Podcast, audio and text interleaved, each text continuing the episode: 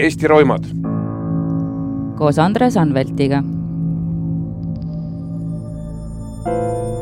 Eesti roimad on taskuhääling, kus Andres Anvelt ja Postimehe ajakirjanik Dagmar Lamp räägivad Eestit raputanud kuritegudest ja siin jõhkrutsenud roimaritest. oleme jätnud endale vabaduse kannatanute kaitseks teatud detaile muuta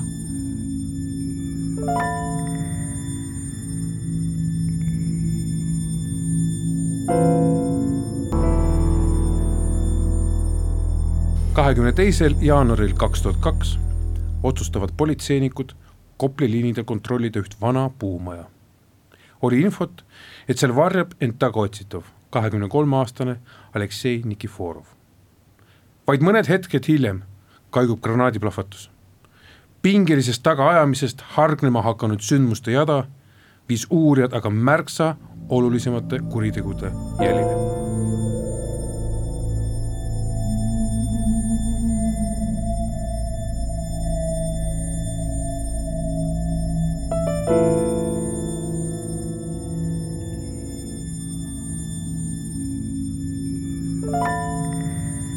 tere, head kuulajad, mina olen äh, Elu24 ajakirjanik Dagmar Lamp ja minuga on Eesti Roimade stuudios Andres Anvelt, tere!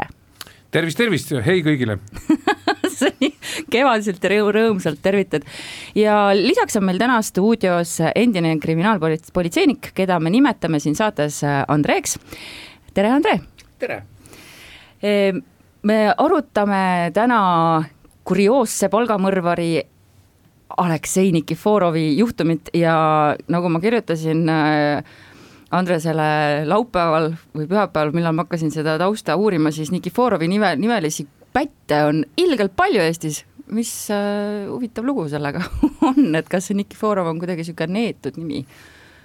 no äh, mina ausalt öeldes rohkem ei mäleta ühtegi teist Nikiforovit, kuidas sina, Andrei, mäletad, oli neid veel? Äh, minu jaoks oli üks, Aleksei Nikiforov. jah, vist jah aga ma arvan, et eh, kuna nimed ikka inimestel ei ole eh, nagu öeldakse narri meest, mitte mehe nime. siis ma arvan, et meie jutt käib ikkagi ühest ja samast. Aleksei Nikiforovist, kes siin Eestimaa pinna peal palju jama ja muret kokku korraldas. Nii et ma arvan, et me jääme ikka selle ühe juurde. jääme kindlasti... selle ühe juurde jaa, aga mulle väga, mulle meeldib ka see, või noh, meeldib noh, siis ütleme selle Roima kontekstis meeldib, et meil on jälle tegemist sellise vennaga, kes hüppas äh, üle piiri, see hakkab meil juba siin nagu äh, ka väikseks mustriks saama, et kas see oli toona siis, või toona tegelikult oli see kahe tuhandendate algus, et, äh, et see Venemaalt siia tulek, kui palju üldse politsei oli hädas selliste ülehüpetega siis, ma ei tea, piiririkkujatega pättidega, gastrolööridega? no ma ennem, kui ma kindlasti Andreele sõna annan, ma lihtsalt tuletan veel meelde, et ikkagi aasta kaks tuhat, kaks tuhat kaks, kaks tuhat kolm äh, oli piiri valvamine tunduvalt komplitseeritum kui praegu, sellepärast piirivalvel polnud seekord tehnikat ja siiasamasse kanti natuke aasta hiljemaks jääb ju meie juba senine eh, saat-, senised saatekangelased Ustimenko ja Medvedjev. Ehk eh, kes tulid ühtemoodi üle piiri, kindlasti ei olnud selline piir nagu tänasel päeval, kus on sul, ma ei tea, droonid, koerad, elektrooniline valve, öönägemise seadmed ja kõik muud asjad, midagi oli, aga mitte sellel tasemel, aga Andrei, kas sina mäletad, kuidas Nikiforov üldse tuli, kas ta tuli läbi piiripunkti või ta ujus või kuidas ta Eestisse sattus? no ütleme niimoodi, et äh, meil oli info, et äh, ta tuli Eesti äh, märtsis kaks tuhat üks ja noh, tegelikult, et see info tuli selle uurimise käigus ja mm, see info tegelikult on tema jutu järgi. tema jutu järgi? E, jaa, tema jutu, jutu järgi, et ta tuli Petseri kandis. aa, ah, Petseri kandis, mitte nii ja, nagu ja üle Eesti piiri. Rohelise piiri siis, eks ju. täpselt nii. mis see roheline piir tähendab? roheline piir tähendab seda Metsa. metsaala, kus Aha. äh, ei ole midagi muud peale äh, siilide? Sii-, ütleme niimoodi, seal on olemas üksikud sihid ja kui me tuletame meelde hilisemaid sündmusi, mis toimus Eston Kohvriga, siis oli hästi näha seda, et me hakkasime seda piiri puhastama alles ju äh, mõni aasta tagasi, ehk äh, rohelisel piiril olid kindlasti andurid, olid tublid piirivalvurid, aga äh, polnud sellist võimekust, tegelikult tänase päevani on tegelikult see asi natukene kurb, et äh, leida igat jälge, kes sealt üle piiri tuleb ja salakaubavedu käib ka sealt kanti, nii et, et äh, selles mõttes Nikiforovi ületatud piir ei olnud väga erinev sellest, mis meil täna veel on, aga mida me kindlasti ehitame okay.. jah, ja ma arvan, et siin küsimus on selles, et Nikiforov ka ei olnud noh, tavaline inimene, tegelikult ta oli sõdurina Tšetšeenia sõjas ja noh, sai aru ja oskas maskeerida ja noh, tegelikult ta oskas seda teha mm. -hmm.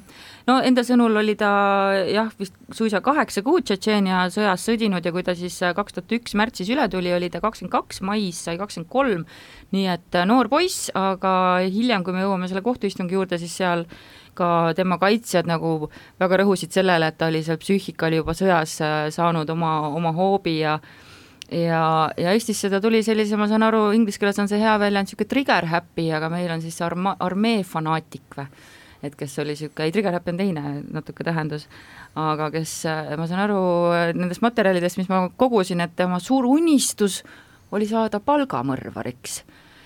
nii et äh, jõudis ta Eestisse ja, ja ma saan aru, et ta kutsus siia või? ma ei teagi, kui palju see nüüd see uurimise käigus äh, leidis kinnitust, et see Vassili Matjuškin, kes hiljem Rahumäel oma otsa leidis, aga, aga kurioosne või kurioosseks siis lähevad siit asjad, kui, kui Nikiforov hakkas sõbrutsema Moogilaga ehk Aleksandr Eelrannaga, kes oli siis Kopli liinide, mis ta oli siis? autoriteet. autoriteet. jah, ja, ja korteriomanik. korteriomanik ja siin ma natukene parandan, aga Paranda. noorematele inimestele on see kõik lubatav. tegelikult ei ole see mitte moogila, aga magila, mis tähendab vene keeles hauda. aa, no vot, sa tead, see on ju ainus kõige suurem äh, minu patt on see selle saate juures, et ma ei oska vene ei, sinu kõige suurem patt selle saate juures, et sa oled tunduvalt noorem ja sümpaatsem kui mina ja väga paljud saatekülalised. ja teine on see ju, et ma, ma naeran ja ma naeran liiga palju, see on ka asi, mis meie kuulajaid alati häirib aga ei, aitäh, aitäh. aga, aga mis see oli, Magila siis Mag? Magila jah, Magila ongi haud, haud., jaa, haud jah, see on äh, ta hüüdnimi oli Haud. jah no ja väga konkreetne inimene, et tegelikult ta oli varem ka kohtu poolt karistatud ja äh, oli tal ennem ikka röömised, et äh, äh, kas vägistamise katset ja no niisugused asjad, et noh aga miks ta Magila oli, Magila harilikult meil oli ühes teises saates oli veel üks inimene, kellel oli vist, kui ma ei eksi, sarnane hüüdnimi, ta oli sellepärast see oli eelmises saates? Mosin äh,, Mosin oli, oli, see... kes oli hauakaevaja Venemaal ja sellepärast sai ta endale hüüdnimiks Magila, aga milleks, miks, kas sa oskad öelda, kuidas äh, Aleksander Eelrand oma Magila sai, kas kas ta tappis ära kellegi või ta ähvardas või? no ma arvan, ähvardas, sellepärast et tegelikult ta öö, äh, oli seal Koplis äh, liinidel niisugune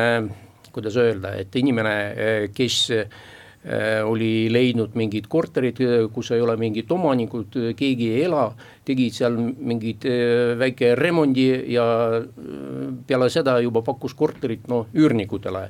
ja kes ei maksnud, no ka ta kogu aeg ähvardas ja nii edasi ja no kas, kas oli see, vabandust mm., ma küsin, kas oli see Kopli liinid siis ja, tegelikult seesama, kus praegu ehitatakse uut elamurajoni? et tema oli siis esimene kinnisvaraarendaja võib öelda niimoodi, jah. aga ei, selles mõttes, et ega see Magila nime siis ei ole ka ju võib-olla tõesti nüüd nii väga mööda pandud, sest et äh, nagu me Nikiforovi äh, jutumärkides kangelastegudest teame, siis järgmised äh, tema Mm, teod olidki ju äh, Kopli liinidel, kus ta viskas äh, bensiinikanistri ja põleva puuhalu korterisse, mm, suri kolmekümneaastane Victoria, hiljem põletuste tagajärjel kolmekümne ühe aastane Tatjana, kes seal korteris oli, ja üks põletamine oli vist veel ja nende korteritega oli seotud äh, Eelrand, nii et see küll ei leidnud kohtus tunnistust, aga miks ta oleks pidanud põletama kortereid maha, kus elavad võlgnikud eelrannale? esitan ma lihtsalt sellise küsimuse. Äh, no ütleme niimoodi, et äh, Aleksei Nikiforov oli ja Eilrand, Aleksander oli sõbrad ja noh, Nikiforov ka tahtis näitada temale ja teistele ka, et on väga konkreetne inimene ja oskab lahendada probleemid ja noh, nii edasi. ja nii ta lahendas. aga ma küsin, kas äh, mis oli siis ikkagi see täpne põhjus, kas sellest on kunagi juttu olnud äh,, miks ta tuli Venemaalt, ega ta ei tulnud siia lihtsalt ju torpee-, või see, vabandust, Mogila probleeme lahendama, eks, ta tuli ju mingil muul põhjusel. nojah, tegelikult, et tal oli järgmine lugu, et ta ajateenistustes oli kaks aastat, neist kaheksa kuud, kuud Tšetšeenias ja ta oli mingid äh, Krapovi beret, äh, noh, mingid äh, spetsnaz ja mm, et tal oli soov, lootus ja tema unistus, et ta läheb edasi te,, teeb karjääri nagu professionaalne sõdur, aga seda ei juhtunud, et noh Mm, ta oli kandideeritud seal äh, Venemaal ja, aga ei läbinud ähm, mingit psüühilise kontrolli või ma ei tea, kuidas täpselt seda nimetada, äh, ei saanud, äh, ei täitnud testid, psüühilised testid ja ei sobinud selle teenistusele. ei sobinud sinna? jaa, ei sobinud mm -hmm. ja sellest ta sai niisugust trauma, et arvas, et ta on kõige parim kõige tugevam ja oleme ennegi neid mehi näinud. no ja, ja mõtles, kuidas edasi minna ja kuna keegi ei tahtnud teda, siis ta hakkas varastama. selle eest ta sai äh, karistust seal Venemaal Pihva oblastis ja kui oli kinni pannud, seal ta vist äh, kas kaks või kolm aastat oli viibinud vanglas ja tol ajal ja peale seda, kui läks välja, et siis pani põlema selle kohtuniku maja ja mm, selle tsoonis Matreši, noh, kes on järelevaataja ja,. jah, jah, tema maja ka. fantastiline hing aa, siit tuleb üks tema käekiri välja, et ta tegelikult põletaja oli siis, eks ju, kui ta, kui ta põletas, eks ju, pärast äh, neid äh, Kopli liinidel korterid ja siis ta põletas ju siis vara, varasemalt Pihkva oblastis. no jaa, kui tulirelva käes ei olnud, äh, ta kasutas siis bensiini, jah. Mm -hmm.. kusjuures äh, ma muidugi nüüd torman sündmustest väga palju ette, aga tema viimased karistused, mis ta vanglas on saanud, on, on ta saanud sellest, et ta loobib kas tulist vett või kuuma suppi, nii et niisugune kuumuse värk niisugune kuum hing. aa, sa mõtled nüüd juba, juba kui ta istub juba kinni eluaegselt, siis jah, ta on viimastel aastatel uudistest läbi käinud, ma saan aru sellega, et on vangivalvuril visanud kuuma vett näkku. no see on ebainimlik, eks ju aga, aga tuleme siis tagasi sinna, kus me, kus me olime, et asjalood läksid siis tõsisemaks kahe tuhande esimese aasta äh, keva, ei, kevade, sügisel, kui äh, palgamõrvarist sai palgamõrvar, ehk siis ta suutis äh, lõpuks jõuda oma unistuseni äh, ja kaks tuhat üks septembris äh, täitis Nikiforov Vassili Matjuškini käsku või tellimust ja ekskaubamaja juures Mustamäel hiilis kapuutsiga nägu varjates Aseri ärimehe Hanlar Agassijevi, kas seda, kas ma seda nüüd ütlesin õigesti või? Hanlar Agassijev, jah, see on õige. Midagigi ma oskan hääldada ja hukkas mehe püstolilaskudega pähe tulistades äh, tasuks viisteist tuhat krooni, mis see meil teeb praeguses rahas, sada, sada eurot? ei, ei, viisteist tuhat krooni on tuhat, tuhat eurot. ma arvan, et see oli omal ajal täitsa selline konkurentsivõimeline hind, kui ma tuletan meelde hilisemaid aegu, kui minu meelest Tallinna Selle... abilinnapea lasti maha umbes samasuguse summa eest. mina astusin kaks tuhat kaks ülikooli ja siis oli aasta ajakirjandusõpet oli viisteist tuhat krooni aastas või ei, semester äkki, pool aastat, no vot. No vot, jah, aga seda sai teha ekskaubama juures no, tegelikult sellega ta devalveeris, et mõrvari töö, eks ju, et noh, nii odavamalt, et jah, oleks võinud ülikooli minna selle raha eest. aga kuidas ikkagi, ma siin eh, saan aru seda, et eh, Matjuškin oli nagu rohkem seotud Eesti kuritegeliku maailmaga, et hakkas talle siis mingeid töösid ette tooma või? Äh, tegelikult jah, et tal oli Äh, niisugused äh, kriminaalsed kontaktid ja ta kasutas neid ja tegelikult, et kui pärast noh, me saime aru, kuidas oli uurimise versiooni järgi, et tellimused Aleksei Nikiforov sai kätte Vassili Matjuš-, Matjuškini kaudu aga kusjuures siin taga, mida me ei ole veel maininud, on see, et äh, kogu see kamp tegeles heroiiniäriga et äh, need aserid, eks ole, ma sain aru, äh, tegelesid kõvasti heroiiniäriga ja, ja ka Nikiforov tel-, teenis oma taskuraha sellega, nii et, et seal oli ikka see narkokaubandus oli, oli vist üks põhjuseid, miks üldse see palgamõrv tuli täide viia. Või? Kas me spekuleerime mööda? noh, tegelikult, et äh, meie materjalide järgi niisugust infot ei olnud, et see oli põhjus, et äh, palgamõrvad, äh, noh, kes teab, mis reaalsed põhju-, mis reaalne põhjus võiks olla, aga noh, mm, selge on see, et inimene sai selle töö sellepärast, et keegi tahtis likvideerida oma, ma ei tea, konkurendi või inimese, kellel oli konflikt mm -hmm. ja noh, sellepärast. okei okay,, et see ei äh, olnud nagu mingi niisugune nojah, aga kuritegelikus maailmas võib olla konflikt ükskõik millest, alates narkootikumidest, lõpetades prostitutsiooni vahendamisega või lõppude lõpuks, mis juhtub, ma antud juhul ei saa rääkida kindlasti nende faktide kohta, aga kuritegelikus maailmas eh, tihtipeale on ka konflikt sellepärast, et üks tahab võtta teise positsiooni endale ja saada teise asemel autoriteediks, saada endale territoorium, saada endale sissetulek mm, ehk selles mõttes siin võib olla see ampluaa väga lai, aga kogu selle ampluaa taga on ikka mingi kuritegelik tegevus. nii et see moraal jääb alati selle juurde, et kui see, kui sa sellega ei tegele, siis on väga väike tõenäosus, et sa satud ka eh, siis eh, palgamõrvari püstoli ette.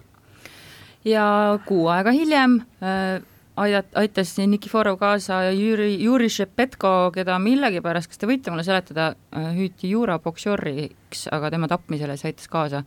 ma olin alguses väga segaduses, ma ei saanud aru, kes siis tapeti, kas Šepetko või Boksjor, miks ühes kohas oli Boksjor, teises kohas Šepetko, kas selle, nendel sõnadel on mingid tähendused, mida on küll.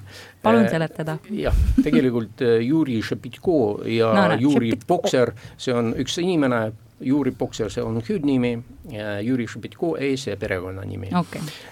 tegelikult, et äh, nad ka olid tuttavad äh, Nikiforoviga, Eelrandiga äh, ja nad suhtlesid omavahel ja ühel momendil, et no nad hakkasid arvama, et see Juura on krõisa ja noh, rott, koputaja. ja, ja noh, ja sellepärast, et noh, tuli konflikt ja ma mäletan, kuidas vot äh, meil oli jutt selle asja kohta, kuidas, et konflikt hakkas seal ähm, äh, Ristiku tänaval, äh, et Juri Šepitko vist seal kohal sai noa, noahaava ja teda paigaldati auto sisse ja siis, kui nad oli sõitnud selle Maardu poole, et nad seal noaga, et hääletasid veel edasi.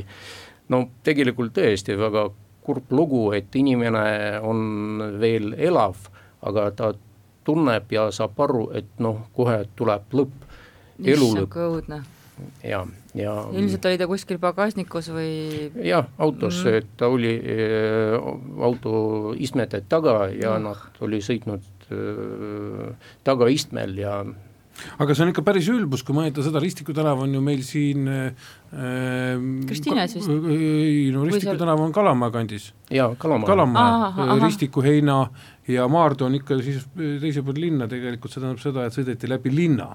see näitab tegelikult nahaalsust, et sa paned oma ohvri veel elusa keha, paned auto pagasnikusse, siis sõidad äh, sisuliselt noh, ma pakun välja, Maardu on ikka paarkümmend kilomeetrit. jah, no ikka pool linna ja see oli noh, tõesti kurb lugu ja mm, äh, kui selle episoodi kohta rääkida veel, et äh, võib äh, veel seda öelda, et kui nad olid jõudnud Maardu linna taga,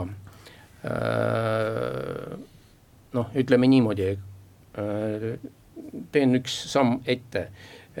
kui me juba noh, uurinud selle asjad ja meil oli juba infot, mis juhtus, kus võib-olla juhtus ja me hakkasime otsima tõendit, et ja kontrollima selle informatsiooni, vaatada läbi, kas see on reaalne info või see on mingi bluff. ja mm, olime sõitnud kohale inimesega, kes tol momendil ka oli autos ja osales selles kuriteos ja tegelikult ta täpselt ei mäletanud, kus kohas asub see koht, ütles, et no oli pime kuskil Maardu linna lähedal äh,. ei mäleta ja noh, meil tegelikult rohkem ei olnud variandi, me ütlesime, et okei okay,, ootame natuke. kui tuleb pime, sõidame seal ringi, no kes teab aga mm. see äh, noh, läks juba noh, ma ei tea, äh, rohkem kui pool aastat äh, peale seda, kui see juhtus.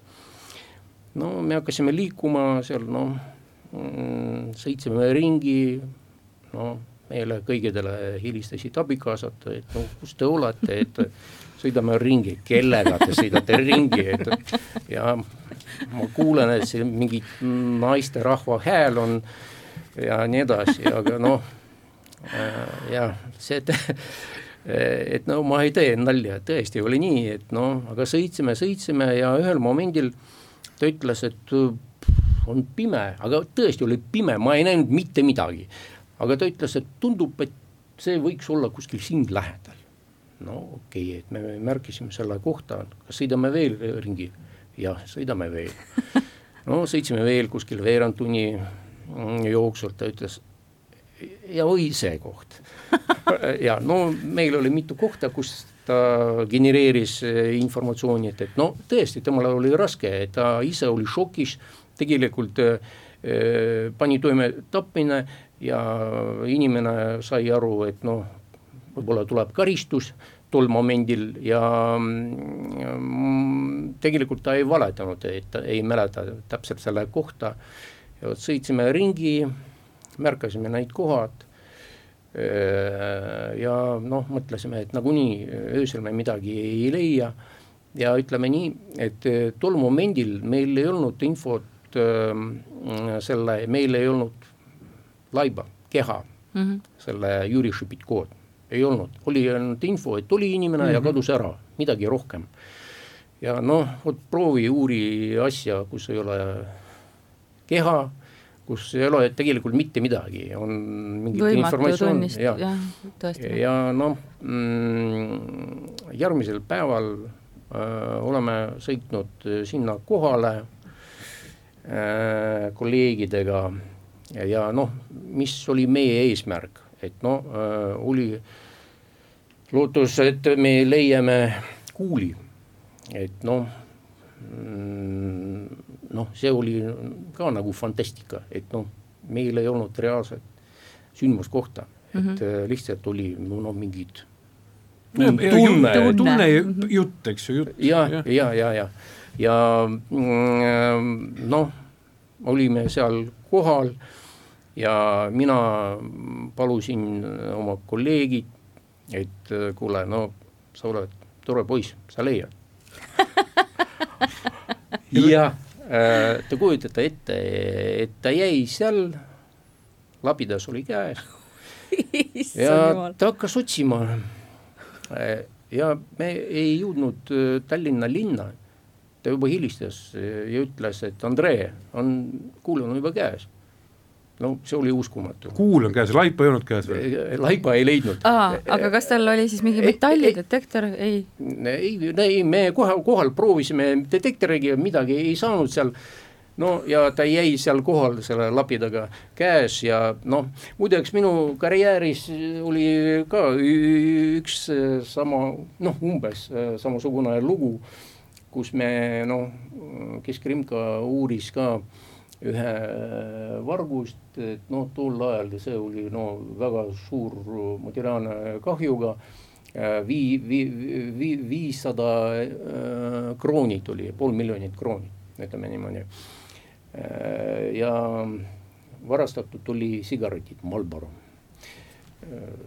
ja no keegi meie, meie meeskonnas suitsu ei võtnud, aga me pidi otsima seda mis meeskond see huvitav oli? ei tea jah, olite te üldse politseinikud või olnud? ja, ja no selles kontekstis ma ütlen seda, et äh, me oleme tuvastanud, kes äh, pani toime selle vargust, noh kõik momendid, nüansid meie jaoks tegelikult oli selge, välja selgitanud, aga meil ei ole, ei olnud kaupa ei olnud sigaretid. Ja noh, tegime seal läbiotsimised siin ja seal, ei ole midagi. no mis edasi, äh, aga olime leidnud ühest autost äh, garaaži võtmed. no oleme küsinud, mis võtmed on, et noh, olen leidnud kuskilt tänavalt, panin auto sisse igaks juhuks ja kogu lugu noh, mis võimalused meil oli, noh, raporteerisime härra Anveltile, et noh, mida, midagi ei leidnud, aga on mingid äh, garaaži võtmed. no kas sellega tänaseks lõpetame? no ta kohe ütles, et oh-oh-oh-oh. ei, me ei lõpeta niimoodi, et teeme siis niimoodi, võtmed on olemas, sõitke ringi, proovige. Äh, Äh, ei no tõesti, oli nii, no minu jaoks see oli uskumatu, no Andres, lõpeta ära, kas teed nalja aga leidsite üles ju kohe? jaa, tõesti ja kõige huvitavam on see, et ei läinud poole tunni ja see garaaž oli no leidnud, no meil oli umbes noh, niisugune info, et see garaaž võiks olla Koplis, aga kas te kujutate ette, et kui palju garaažid on Koplis? uskumatu, see on nii suur number, aga noh, poole tunniga garaaž oli leidnud ja noh. no siis pole ime, et sa jätsid seal kolleegi metsa labi taga ja hakka kaevama. ütleme niimoodi, et minu kool, eks ju. aga ma ei saanud aru, kas tema laipa ikka ei leitudki siis kunagi või? no pärast oli leidnud, aga ütleme no, kolmveerand aastat hiljem. tol ajal ajal meil ei olnud seda. Ja teda vist leiti seal poole aasta pärast. kolmveerand aastat on mul info, et äh, no Jaa, ikkagi no, kuskil siis kevadel, aprillis jah. ja, ja, ja. aga detsembris, kui nüüd Nikiforovi juurde tagasi tuleme, siis äh, sama aasta, kaks tuhat üks aasta detsembris äh, oli siis veel see, minu jaoks oli see isegi natuke naljakas äh, vahejuhtum, kui ta üritas äh, jälle Matjuškini korraldusel tappa siis ärimees Rža Velijevit, kas ma seda ütlesin õigesti? Yeah. Rža Velijev no, no, ja, ja siis äh, minu jaoks just naljakas oli see osa, et äh, et ühesõnaga, mis siis toimus, oli see, et äh, Nikiforov ründas äh, Ržad äh, Lasnamäe turu juures, äh, kui siis Vilijev oli just autosse istunud, hakkas sõitma ja Nikiforov jõudis siis Aseri auto pihta tulistada ühe lasu, siis kiirus relv kinni ja see kuul, mis lendas läbi salongi ukse, Rajad ei tabanud ja mees elab äh, vist siis tänase päevani, vähemalt selle vana info põhjal elab tänase päevani, ja, ja, ja kui politsei küsis, et miks siis Velijev ei teinud avaldust, siis äh, mehe põhjendus oli selline, et ta ei saanud arugi, et ta üldse oli nagu atentaadi ohvriks langenud. see oli niisugune asi, mis mind pani nagu muigama, et ta on üsna kas see oli siis tõesti nagu tema elus nii tavaline, et hakkad autoga sõitma, mõned kuulid lendavad siia-sinna, noh, noh. no asi on selles, et tegelikult, et Rza Vilijev no tol ajal ka oli, no kuidas öelda, no niisugune autoriteet, autoriteetne mm -hmm. inimene ja noh, te, te, tema jaoks pöörduda politsei poole avaldusega, no see oli noh, kuidas öelda, ebakorrektne või jaa, ma, ei ma saan sellest aru, aga ma arvan, et, et kui ta ütles seda politseile, et ma ei saanud aru, mis juhtus, siis ilmselt kõik teadsid, et ta tegelikult sai aru, aga lihtsalt see käiski no, nii, et ei pöördutud. jah, tegelikult, et no meil oli no niisugune mõte, et ta sai aru, mis juhtus, aga lihtsalt ei pöördunud politsei poole. no see ka tegelikult väga huvitav lugu, et noh, kujutate ette, et inimene istub auto sisse, läheb auto sisse ja lendab kuul, kuul ei jõua temani, jääb auto keres ja inimene noh, rahulikult sõidab ära, no õnnelaps õnnelaps. midagi rohkem ei saa öelda. minu jaoks on teine huvitav asi siin see, et ta ei üritanud äh, kuidagi siis äh, arveid õiendada, et kas siis äh, Velijev ei teadnud, et, äh, et tegemist oli Nikiforoviga või kelle tellimusel Nikiforov oli tulnud et sealt oleks võinud ju isegi niisugune lausa grupeeringute vaheline sõda tulla või ei? kui niisugused asjad on ainult filmides meil no ega ausalt öeldes tol ajal neid sõdu oli väga palju ei maksa seda unustada, muidugi tol ajal juba natuke vähem äh, ja ega politsei kõikidest kõiki ei teagi. ehk selles mõttes, et kindlasti on olemas siin mingisugune äh, motiiv selleks, aga ma ütlen veel kord, kuritegelik maailm elab natuke teiste reeglite järgi kui meie siin igapäevaselt. Ja kuidas nemad lahendavad omavahelisi konflikte, see võib olla täitsa teistmoodi. see ei pruugi olla sellega, et sa pead kellegi nüüd ära tapma, keegi maksab sulle kinni selle, kuigi noh, harilikult tapmine on ikkagi kättemaks, mis on väga naturaalne, nii et eh, me neid üksikasju kindlasti ei tea ega saagi kunagi, pruugi kunagi teada saada aga jõuame nüüd selle kõige põnevama osa juurde, ehk siis äh, see, kuidas äh, Nikiforov lõpuks äh, kätte saadi. saate alguses kõlanud kahe tuhande teise aasta te-, kahekümne teine jaanuar, kui politseinikud läksid Kopli liinidele väidetavat tagaotsitavat kontrollima. Andrei, räägi siis, kuidas see lugu oli, kuidas sa ise olid sellega, see on vist selle, olid sa selle, sellega konkreetsega seotud äh, või et kuidas see Nikiforovi tabamine siis ikkagi oli, kuidas te kõigepealt üldse teada saite, teil oli ju info, et Venemaalt on keegi tulnud jälle siia, ei? ei, seda ei olnud, et te, tegelikult, et seal kohal oli käinud, et äh, Kopli politseijaoskonna mm, politseinikud mm -hmm. ja tegelikult nad ei, ei käinud äh, Aleksei Nikiforovi järgi ma ise olen rääkinud äh, nendega, no äh, politseinikuga, kes oli käinud kohal ja nad ütlesid, et noh, ja äh, oleme kontrollinud aadressid, korterid vot ma ei tea, kas nendel kaasas oli relv või mitte.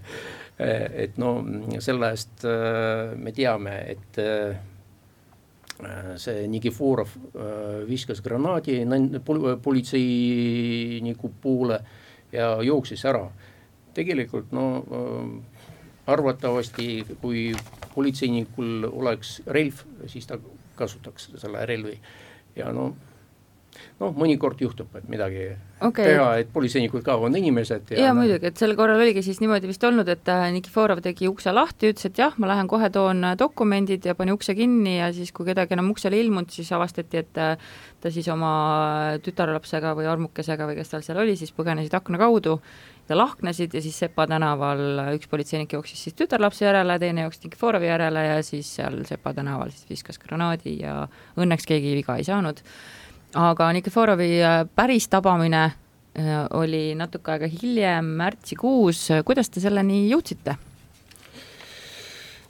no tegelikult neid kuud, mis me mm, otsisime teda taga, äh, oli väga keerulised meie jaoks. muideks mm, selle episoodi, selle fakti kohta, kui ta viskas granaadi politseiniku poole, et materjal oli eh, Kopli politseijaoskonnas, no kui see kõik juhtus, no info kohe hakkas liikuma ja äh, mina, no ma ei tea, et ma ei tea, kui palju aega läks äh,, olen, olin jõudnud ähm, Kopli politseijaoskonnas ja tegelikult olen jõudnud ühel momendil, kui tuli ka kapo esindaja äh,. asi oli selles, et seal selles korteris oli leidnud Äh, püstolipadrunid, äh, lõhkeainet, et noh, ta valmistas mingit pommi. tema dokumendid olid ka vist seal? ja tema pass ja mm -hmm. noh, passis oli kirjas, et on Vene kodanik ja nii edasi ja noh, siis äh, kaitsepolitseis ka vist oli huvi selle inimese ja selle intsidendi kohta. noh, kui mina sain aru, noh, mis teema on, mis seal juhtus, et äh, ma täpselt ei mäleta, kas helistasin Andres Anveltile või Kalev Prillopile. no ütlesin, et noh, lugu on järgmine, et noh siis tuli käsk, et võtame selle materjali end, endale, menetleme selle asja ja äh, olin kohe võtnud selle materjali kaasas ja sõitsin kontorisse. aga meie ei teadnud tol ajal seda, et see on seesama Nikiforov, kes võib olla nende teiste tapmiste taga? ei, ei no lihtsalt see, seal oli, et keegi Vene kodanik põgenes politsei käest ja midagi rohkem. ja loopis granaati. ja, ja mm -hmm. kui hakkasime uurima, siis noh, tõesti oli väga huvitav äh, asi, väga huvitav lugu, no kui räägime selle kinnipidamise kohta, mm, siis noh, see oli ka väga keeruline tegelikult ülesanne, sellepärast et Nikiforov äh, ta ei kasutanud noh, tavalist algoritmit, mis kasutavad äh, inimesed, kes jooksevad politseist, et noh, ta ei võtnud ühendust oma tuttavatega, et ei käinud korteritest, kus ta ennem oli elanud või käinud ei kasutanud selle transpordit, ei kasutanud mobiiltelefoni ja kaardid. no tegelikult no ilus poiss oli selles mõttes, et noh ja oli hu huvitav uurida selle asja ja me olime otsinud teda äh, ja meil oli, me oleme kasutanud seal äh, varjatud jälgimise ja Äh, ühel momendil äh, tuli teade, et noh, äh, vist tema asukoht on välja selgitunud ja ta liigub kesklinnas.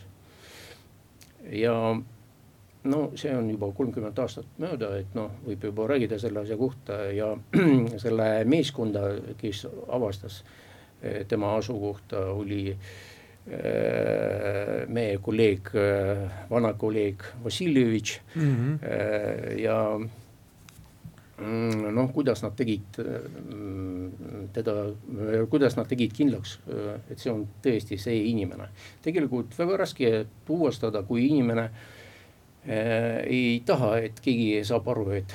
ma kujutan ette jah. jah, et noh, ta kasutas äh, mütsid, no tegelikult, et see ei olnud lihtne ülesanne. muutis oma välimust väga ja, palju, et teda ära ei tuntaks. ja, ja no aga kuidagi, et äh, Vassiljevitš oma meeskonnaga tuvastati, et see on õige mees. Äh, noh, tõesti, ta on profi, oli profi, jah ta on ju pensionil, muideks selle Vassiljevitši kohta, kui me oleme rääkinud, et tuli meelde üks asi. et noh, see oli no ma ei tea, nii ammu juba kolmkümmend aastat tagasi, aastal võib-olla üheksakümmend üks me olime uurinud ühe mm, tapmise äh, ja olime kas Kohtla-Järvel või Jõhvis, no kuskil sealkandis mm. -hmm. ja meie seal põhifigurant oli ühel laadrisel, äh, oli õhtu ja me oleme selle ukse taga, meie ülesanne ei olnud teda maha võtta, lihtsalt me pidime kontrollima tema noh, tegevus ja nii edasi. Äh, ja äh, meil oli plaan paigaldada ühe seadme -hmm. koridorist seal selle kapi, kus asuvad elektrimõõtjad mm -hmm.. noh, tol ajal tehnika oli, no võib nimelt öelda niimoodi, niimoodi, et primitiivne, aga ta ikka töötas ja. ja kõige huvitavam oli see, et sel momendil, kui see elektrikapp oli lahti ja me oleme tegelikult seal selles kapis juhuslikult tuleb see korteriomanik. See meie figurant tegi ukst lahti ja tuli välja koridori ja no niisugune moment, et äh, ma noh, esimene mõte, mõte, mis tuli, äh, et kas ma jõuan lugeda kaheni või kohe tuleb kaklus, äh, kohe hakkame poksima, no ta oli väga nahaalne, agressiivne ja no sellepärast mina mõtlesin, aga ma ei jõudnud lugeda kaheni, kui see Vassiljevitš ütles äh, meile, tuleme valveelektrikud, äh, vahetame piirnid. no ma räägin, see võib-olla oli kas reede või laupäev kell kümme õhtul. sellel Kohtla-Järvel ma, sellel trepikos üldse ei olnud pirnid ja, aga kõige tähtsam oli see, et no tol ajal, et äh, aastal üheksakümmend üks ähm, ütleme niimoodi, meil ei olnud nii moodsa riidet, noh, kõik olime nagu kõik teised. aga Vassiljevitši abikaasa töötas kaubamajas ja tal oli, no ma ei tea, kuidas seda nimetada, norkava šapka ah,. närit või? see oli see snaritsamüts. jah, ja, ja mingit Jugoslaavia meeste kasukas ja, ja see oli väga, väga huvitav pilt tõesti, kui eh, Kohtla-Järve selles trepikojas valveelektrikud noh, no see oli tõe. naaritsa kasukas. aga jääd uskuma aga me peame ikkagi Nikiforovi loo lõpuni rääkima, see on väga tore, aga siin on muideks sama asi, sama Nikiforoviga, taiplikust on vaja, taiplikust. taiplikust on vaja, et Nikiforov saadi kätte siis trollist number kaks ja, ja kuidagi siis tänaval ära ikkagi K-komando mehed äh, pihta said, et see on tema, info oli tulnud ja, ja selle masina juures oli huvitav minu meelest see, et äh, Nikiforov suutis vist ainult kedagi hammustada, politseiniku, ja tema taskust siis leiti TT, äh, mille rauas oli üks kuul ja, ja siis tasku põhi oli kuidagi ära lõigatud, üritas kätt sinna saada, aga ikkagi trollis no, siis. arvatavasti ta ju valmistus pidevalt selleks, et teda võidakse kuskil kinni pidada. ja ma lihtsalt tahan öelda seda, et äh, selle päeva väga oluliseks iseloomustavaks sündmuseks oli see, et samal päeval toimus äh, Eesti-Vene jalgpallimatš mm, -hmm. kus oli ka komando välja kutsutud, kuna seal olid rahutused, kui kes mäletab, päris tõsised rahutused, ja, ja nad pidid reageerima kahele objektile, üks objekt oli siis Nikiforov, teine olid rahutused. Ja äh, äh, tolleaegne juht äh, Lembit Kolk on seda ka väga äh, ilusti kirjeldanud, et nad väga kavalalt liikusid talle aina lähemale, lähemale, lähemale. Äh,, nad pidid vastutama selle eest, et keegi teine kannatada ei saa suvaline äh, tsiviilisik. Ja teine asi see, et äh, Nikiforov ei jõuaks äh, mingisugust relva kasutada ja sellepärast nad läksid ta nii lähedalt, ühel hetkel võtsid tast kätes kinni. Ja ma arvan, see oli väga super ja professionaalne kinnipidamine, aga noh, see, et äh, ta jõudis kedagi veel hammustada, noh see näitab seda, et meeleheitlikkust, meeleheitlikkust ja kindlasti tema agressiivsust, sest noh, äh, tähendab, tal ei olnud enam püstolil võimalik äh, kätte saada, sellepärast tulid, tulid käiku hambad. aga kuidas sina mäletad seda, Andrei, et kas see no jaa, kui tuli info, et tema koht Äh, asukoht on tuvastunud, siis ma kohe helistasin Kolkile, ütlesin, et on vaja, kiire on vaja abi, et äh, tuvastasime Nikiforovi kohta, et äh, nad lendasid kohale, no tõesti, nendel no viie minuti pärast nad oli seal juba kohal. Ja no meie jaoks oli noh, niisugune küsimus, kuidas teha nii, et Nikiforov, et ei hakka seal sõdima. Et noh, kuna meil oli info, et äh, ja me oleme kindel, et tema käes on püstel ja arvatavasti granaat, äh, no tegelikult see oli väga ohtlik noh, teiste jaoks.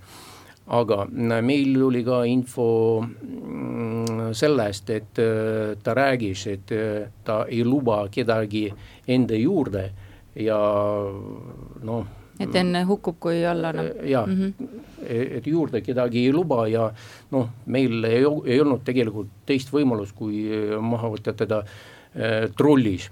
ja tegelikult jaa, ma loodan, et ma ei avasta mingit äh, ametisaladust, kuidas nad oli tehtud seda, väga ilusti läks, et noh, mina olin seal selle trolli kahe auto kaugusel. ja, ja, ja kaugusel ja Äh, olen näinud, kuidas see kõik oli, et äh, ka komando buss äh, sõitis selle trolli ette ja juhuslikult panid piduri peale.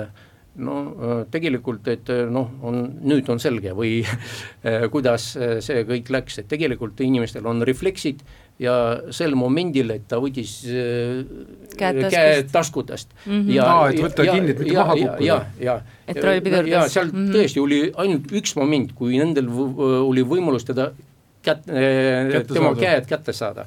ja noh, nad tegid ära seda väga ilusti, et tõesti ja, ja noh, tegelikult ta läks politseinikute vastu, ta noh, ta ise oli noh, tegelikult füüsiliselt tugev. ja tugev ja hea vormis ja tegelikult veel peale seda, kui mm, troll oli peatunud, ukse lahti tehtud, seal no seal mitu sekundit käis noh, mahavõtmine, ütleme niimoodi. madin. madin veel jah, et ei jäänud kohe kätte. niimoodi ja noh. aga kätte me ta saime ja õigemini saadi, mina ei saanud midagi ja aprillis siis kaks tuhat viis sai äh, Aleksei Nikiforovist Eesti kolmekümne neljas eluaegne vang ja nagu siin saatel vahe, saates vahepeal mainisin, siis ega ta ei ole oma pättusi äh, lõpetanud või, või on näha, et ega ta seal vanglas ka nüüd äh, üsna kenasti käitu, loobib supiga ja, ja kuuma veega.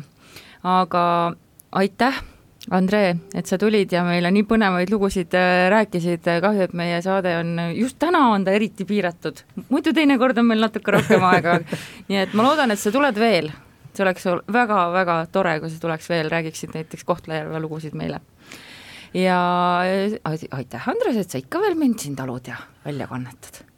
Hea meelega, sest ma arvan, et meil on väga tõsine äh, kanda ülesanne, et tutvustada meie kuulajatele Eesti alles mõni aastakümmend tagasi toimunud sündmusi, sest muidu varsti on kõik need arhiivid ära hävitatud. jah, ja neid äh, vapraid äh, inimesi, kes on meie turvalisust taganud. nii et äh, aitäh veel kord, Andre, aitäh, Andres, ja aitäh kuulajatele, meid leiate ikka äh, nüüd juba siis Elu24 veebist, Eesti Roimad on olemas ka Spotify's, iTunesis või kus iganes te praegu kuulate, ma ei tea, kuulake sealt edasi. meie hooaeg sai alles alguse sisse, nii et äh, oleme siin teiega juunikuuni ja kohtume juba kahe nädala pärast neljapäeval, kohtumiseni. Eesti Roimad. koos Andres Anveltiga